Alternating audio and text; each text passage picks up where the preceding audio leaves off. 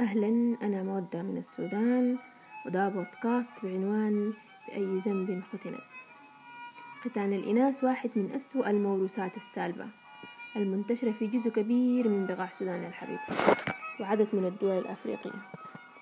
العلم أثبت أثر الضار صحيا ونفسيا واجتماعيا. وبتعدد الثقافات والعادات اتعددت أسباب الممارسة.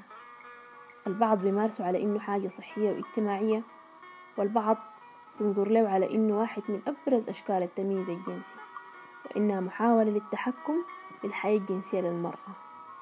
والبعض بنظر له على إنه علامة من علامات الطهارة والعفة والتواضع. جزء كبير في السودان يفتخر بالختان وبيدعوا به الشرف وإذا البنت ما اتختنت يعتبر عار وإقصاء وبنادوها بالغلفاء وده مصطلح سوداني ينادوا به البت الما مختونة الآثار الصحية لختان البنات بتختلف بطبيعة العملية. المختونة ممكن تعاني من التهابات متكررة وصعوبة في التبول وصعوبة في تدفق الطمس. كمان بيسبب لها صعوبة في الحمل وعسر في الولادة. الختان عادة فرعونية انتشرت في السودان بنسبة واحد وتسعين في المية بسبب العادات والتقاليد. ختان الإناث جريمة بتخفيها الزغاريد.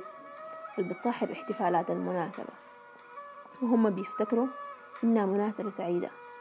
حين إنه هي جريمة بتقتل نفسيا ومعنويا وأحيانا بتؤدي إلى الوفاة. المجتمع بيعتقد إنه ختان الإناث بيحمي عفة البت والثابت العلمي أكد إنه المخل بتجي من الرغبة. للبت وللمرأة المتزوجة. وليس العضو التناسلي. الانحراف بيكون في سلوك البني آدم وتصوراته ما في أعضاء التناسلية. الختان مخاطره كثيرة زي الصدمة العصبية اللي بتجي نتيجة النزيف والألم. وكذلك الأضرار النفسية. صدقوني الختان مش عنف وقهر بس كمان ممكن يكون عائق لتقدم المرأة. لمتين هنسكت. لمتين هنسكت عن العادة المضرة دي. خلونا نقضي عليها بإنه نتكلم عنها ونثقف الرجال والنساء والبنات ونأيد القوانين ونعاقب المخطئ.